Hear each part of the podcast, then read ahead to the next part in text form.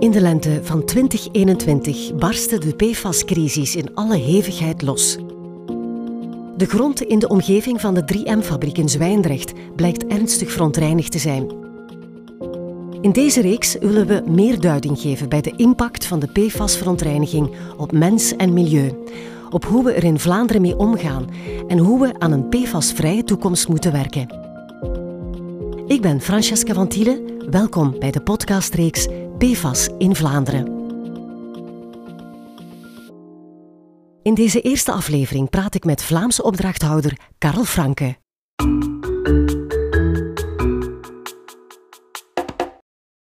Karel Franke, van harte welkom. Wat houdt uw taak als eh, PFAS-opdrachthouder in? Uh, het is mijn taak om rond de PFAS-problematiek mensen samen te brengen. Om te zorgen dat de verschillende groepen die ermee in aanraking komen of die bij het probleem betrokken zijn, dat die met elkaar praten.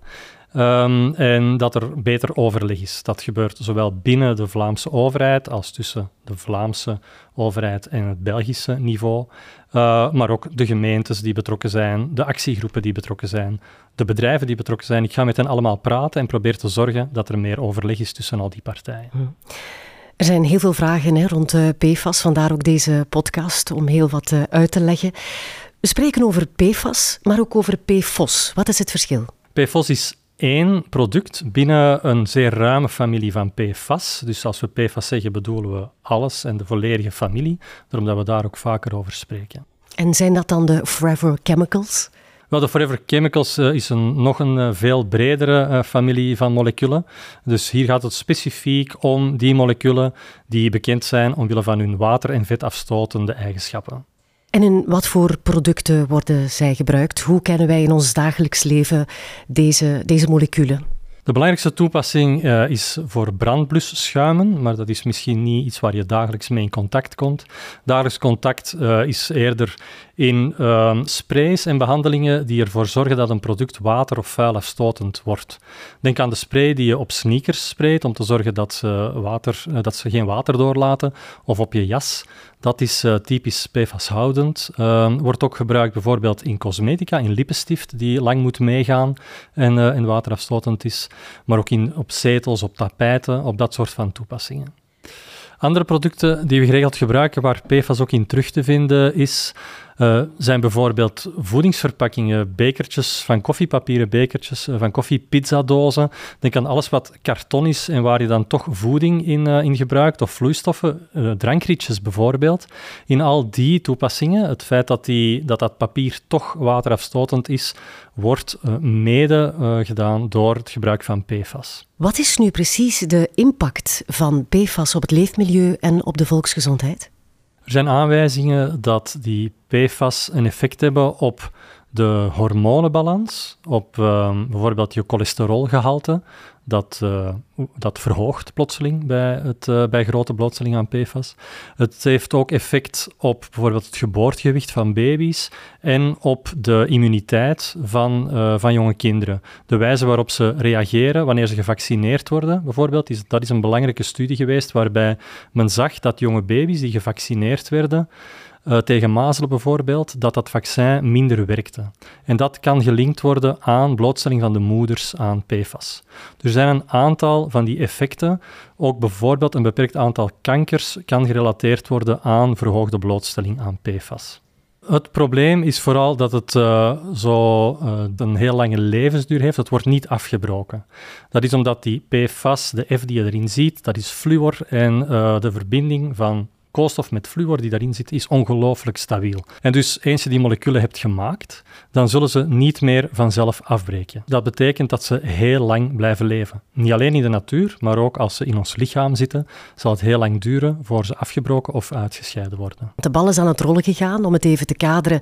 Vorig jaar uh, bij de Oosterbeelwerken is, heeft men gemerkt dat op de site uh, in Zwijndrecht, rond de, de fabriek van 3M, dat de grond daar zwaar vervuild is. Hoe komt het dat daar zo een concentratie van PFAS in de grond zit? Omdat ze daar geproduceerd worden. Je hebt daar de fabriek van 3M en die produceren van die PFAS voor heel Europa. Uh, de volledige productie zit daar gecentraliseerd. En bij hun werking in de voorbije jaren is daar PFOS in de eerste plaats, maar later ook andere PFAS die ze hebben gemaakt, is die in de grond terechtgekomen.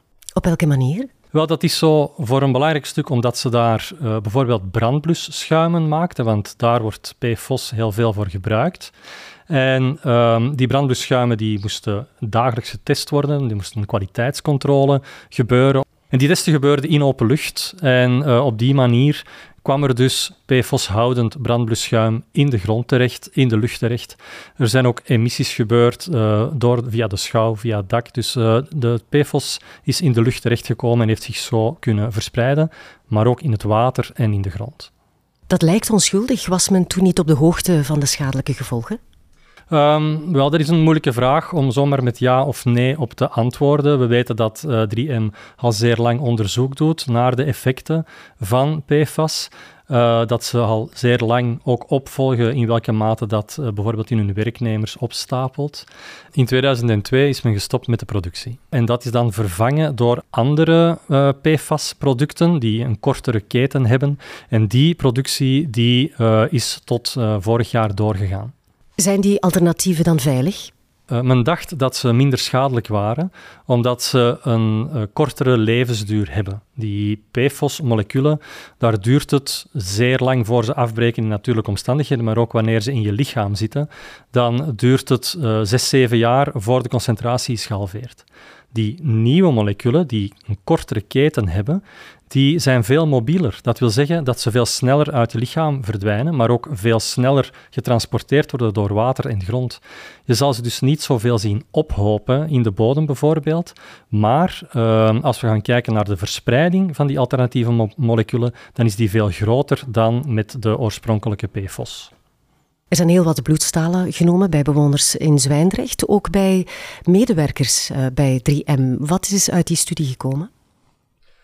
Uit die studie blijkt dat vele mensen zeer hoge waarden van verschillende PFAS in hun bloed hebben. Uh, vanuit de, uh, het Agentschap voor de Voedselveiligheid van Europa is er een bepaalde grenswaarde voorgesteld waarboven er effecten kunnen vermoed worden. En die grenswaarde die wordt overschreden door meer dan driekwart van de bevolking van Zwijndrecht. Dus we zien dat eigenlijk we echt kunnen zeggen dat de bevolking van Zwijndrecht zeer hoge waarden van PFAS in hun bloed hebben, waarbij er een risico is dat er gezondheidseffecten zullen kunnen optreden. U spreekt over waarden die zijn vastgelegd. In welke mate worden die overschreden bij die bloedstalen van de omwonenden? Wel, dus die normwaarde, die grenswaarde, die is 6 uh, nanogram per liter. We, meten in de bevolking van Zwijndrecht waarden van ja, soms 20, 30, maar ook soms 300, 500. Dus die waarden worden echt wel sterk overschreden. Uh, ook bij medewerkers uh, van 3M zie je dat dat waarden zijn in de enkele honderden. Dus er is wel degelijk reden voor ongerustheid? Wel, er is uh, ja, reden om, om actie te nemen, om te zorgen dat die blootstelling wordt beperkt, uh, om te zorgen dat uh, er niet nog bijkomende blootstelling is, vooral voor de mensen die daar in die, in die meest verontreinigde zone wonen, maar toch ook in het algemeen voor de, voor de Vlaamse bevolking. Sinds u PFAS-opdrachthouder bent geworden voor de, de Vlaamse overheid, um, zijn er heel wat onderzoeken opgestart. wat hebben daar al uit geleerd? Um, wel, we hebben vooral geleerd en gekeken waar die PFAS allemaal verspreid zijn, waar we die kunnen terugvinden. Want het is niet alleen rondom die site van Zwijndrecht dat we ze kunnen terugvinden, maar eigenlijk vinden, ze, vinden we ze verspreid in heel Vlaanderen, in water, in bodem. Hoe is dat gekomen? Wel, dat, uh, dat komt omdat uh, die PFAS heel veel gebruikt zijn, ook in brandblusschuimen vroeger. Uh, de huidige schuimen zijn in grote mate niet fluorhoudend, dus niet PFAS-houdend. De PFAS-houdende schuimen zijn gebruikt voor het blussen van grote industriële branden, voor het blussen van autobranden bijvoorbeeld. Uh, je moet je voorstellen, als waarbij olie uh, in brand gaat, daar heeft men die PFAS-houdende schuimen voor nodig. En uh, de brandweer oefent ook vaak, dus ook rond oefenterreinen van brandweer vinden we verontreiniging met PFAS terug. Uh, we zijn metingen aan het doen op plaatsen waar er een brand is geblust 20 jaar geleden en daar vinden we nog steeds die moleculen in de grond. Maar we zien ook dat, er, dat we PFAS terugvinden in onverdachte gebieden. In gebieden waar zo geen uh, oefenterrein in de buurt is of geen productie in de buurt. Hoe komt dat precies? Wel, dat komt omdat uh, die PFAS in zoveel producten zitten die je ook in je eigen huis gebruikt en dus daar via stof ook verspreid worden en je neemt dat op die manier op. Daarnaast is er een verspreiding van die moleculen vanuit uh, de bedrijven die ze gebruiken via water, maar ook via de lucht. Dus omdat we het op zoveel plaatsen hebben gebruikt, is het vanuit vele verschillende bronnen verspreid geraakt. Dus er zijn de voorbije jaren nieuwe studies gekomen die het uh, steeds duidelijker hebben gemaakt dat die PFAS ook op lage concentraties mogelijk effecten hebben op de, op de volksgezondheid. Dat er een connectie uh, kan uh, gevonden worden wanneer je een brede groep van de bevolking bekijkt tussen de mate waarin ze aan PFAS worden blootgesteld en een aantal aandoeningen die zich voordoen in die populatie, in die groep van mensen. Dit is niet louter een Vlaams probleem, een Belgisch probleem. PFAS is uh, overal te vinden. Hoe scoren we wat de bloedwaarde betreft ten opzichte van uh, het buitenland? Wel, we merken dat uh, in Vlaanderen de bloedwaarden in de algemene bevolking verhoogd zijn, maar dat is zo in heel Europa. Uit onderzoek van het Europees Voedselagentschap blijkt dat de normale voeding die je dagelijks eet, die zorgt er al voor dat je bloedwaarde boven die grenswaarde van 6 kan uitkomen. Welk advies geeft u aan, uh, aan ons, aan de burger? Waar moeten we op letten om minder PFAS binnen te krijgen? Wel, ik denk dat we een onderscheid moeten maken en eerst en vooral uh, spreken over de mensen die in een risicozone wonen. En voor die risicozones zijn er no-regret maatregelen, zoals het heet. Dat is een pakket van maatregelen die je kan nemen als bewoner om te zorgen dat je blootstelling wordt beperkt. En die no-regret, dat komt van het idee, ja, daar kunnen we nooit spijt van hebben. Het zijn vrij simpele dingen om te doen en achteraf um, zal het, uh, baat het niet, dan schaadt het niet. Een beetje dat idee. Um, en die maatregelen die houden in voor die risicozones dat we aanraden om geen eieren van eigen kippen te eten of dat, uh, dat gebruik te verminderen, ook het gebruik van groenten uit eigen tuin te verminderen en het uh, gebruik van putwater als drinkwater zeker te vermijden. Dat zijn eigenlijk de belangrijkste maatregelen. Um, de volledige set, het volledige pakket, dat kan je nalezen specifiek per zone op onze website, op de PFAS-website. En daar kan je ook nagaan of je al dan niet in zo'n risicozone woont. Inderdaad, er is een heel duidelijke en overzichtelijke kaart die al die risicozones heel duidelijk afbakent. Stel dat je in een niet-risicozone woont, um, zijn er dan nog maatregelen waar, waar we op kunnen letten? Ja, ik denk dat we toch in het algemeen het risico moeten beperken. Maar dat gaat dan vooral over het gebruik van die producten waar PFAS in zit. Denk aan sprays om, om je schoenen waterdicht te maken. Als je die sprays, als je ze gebruikt, uh, gebruik ze dan buiten, zodanig dat dat stof niet binnen blijft hangen.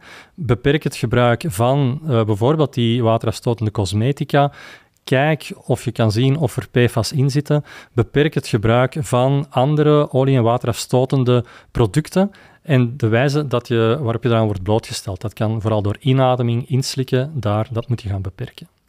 Karel Franke, laten we even uitzoomen op de problematiek. We weten wat het uh, probleem is van de PFAS, de impact uh, op de volksgezondheid, op het leefmilieu. We kennen ook het zogenaamde voorzorgsprincipe. Is het niet beter om PFAS te verbieden?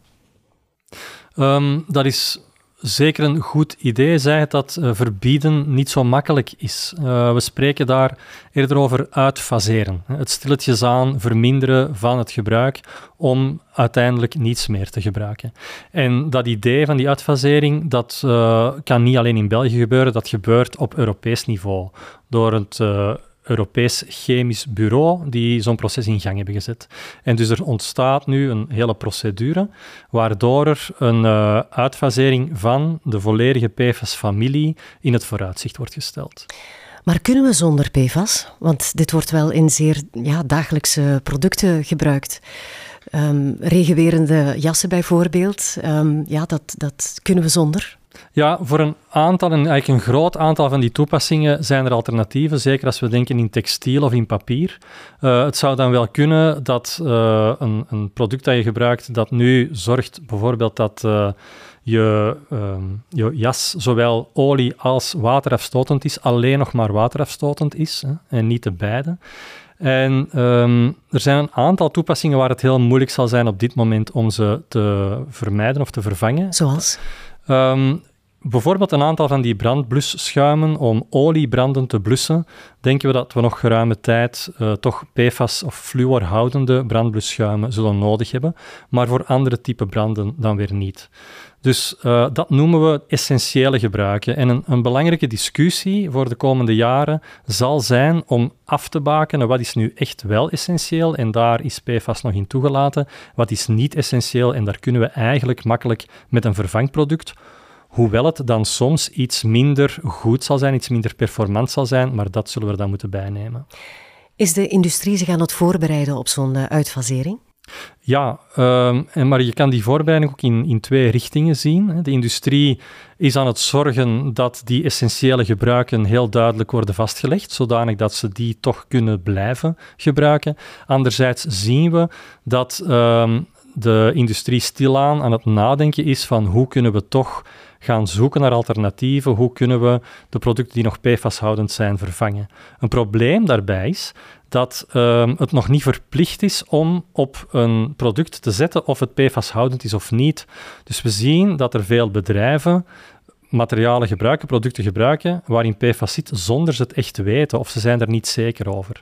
Dus een eerste stap daar is ook om de regelgeving rond labeling, rond etikettering van producten te veranderen. En ook daar rond loopt een proces. PFAS is maar één familie aan chemicaliën. Er zijn duizenden andere chemicaliën waarvan dat we de impact op uh, gezondheid, op leefmilieu niet kennen. Wat leren we nu uit deze crisis? Wel, we leren hieruit dat we uh, voorzichtig moeten omgaan met het gebruik van chemicaliën. Dat producten die als um, gevaarlijk of als ja, risicohoudend worden beschouwd, als we die vervangen door iets anders, ja, dat uh, dat niet altijd een verbetering is. Uh, en dat het van belang is om een, uh, ja, een breed beleid op te zetten waarbij er voorzichtig wordt omgegaan met de gezondheids- en milieueffecten van die chemicaliën. Um, daarbij is het van belang om te beseffen dat PFAS maar één van die vele componenten is. En um, dat we, als we nu het PFAS-probleem oplossen, hè, moeten we niet denken dat alles plotseling opgelost is. Uh, we moeten vermijden dat er een soort tunnelvisie ontstaat op PFAS, waarbij we ons enkel op dat probleem focussen. Want um, dan gaat het probleem ongetwijfeld onmiddellijk vervangen worden door een nieuw en ander probleem. Wat zou dan zo'n ander probleem kunnen zijn? Wel, uh, laat me een uh, omgekeerd voorbeeld geven. We er is een verbod op het gebruik van eenmalige plastieke rietjes, hè, omwille van zwerfvuil, de zwerfvuilregelgeving. En die plastieke rietjes zijn nu vervangen door papieren rietjes. Maar we zien dat om dat papier te kunnen gebruiken, die rietjes gecoat zijn met een PFAS-houdende coating. Of een ander voorbeeld zijn de drinkbekers, de plastieke bekers voor koffie die vervangen zijn door papieren bekers die ook van binnen gecoat zijn. En ook daar, eh, dat zijn typisch die toepassingen waar PFAS voor, worden gebruikt. Dus vanuit een bezorgdheid voor zwerfvuil is er een regelgeving gekomen die uh, die bekers of die rietjes verbiedt. En ze worden vervangen door een ander product dat eigenlijk een nieuw probleem brengt. Het PFAS-probleem uh, wordt nu geïntroduceerd omdat we proberen zwerfvuil te verminderen.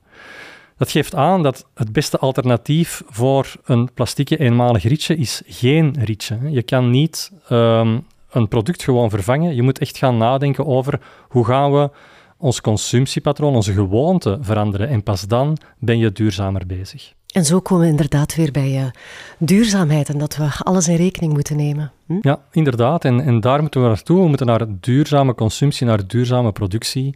En uh, ja, PFAS is één van de problemen die we daarmee moeten oplossen. Karel Frank, ik wil je heel erg bedanken voor deze zeer boeiende verduidelijking. Graag gedaan. Dit was de eerste aflevering in de podcastreeks PFAS in Vlaanderen.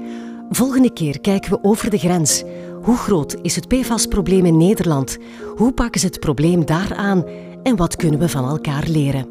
Heel graag tot dan. Wil je meer weten over de PFAS-problematiek in Vlaanderen? Surf dan naar vlaanderen.be-pfas-vervuiling.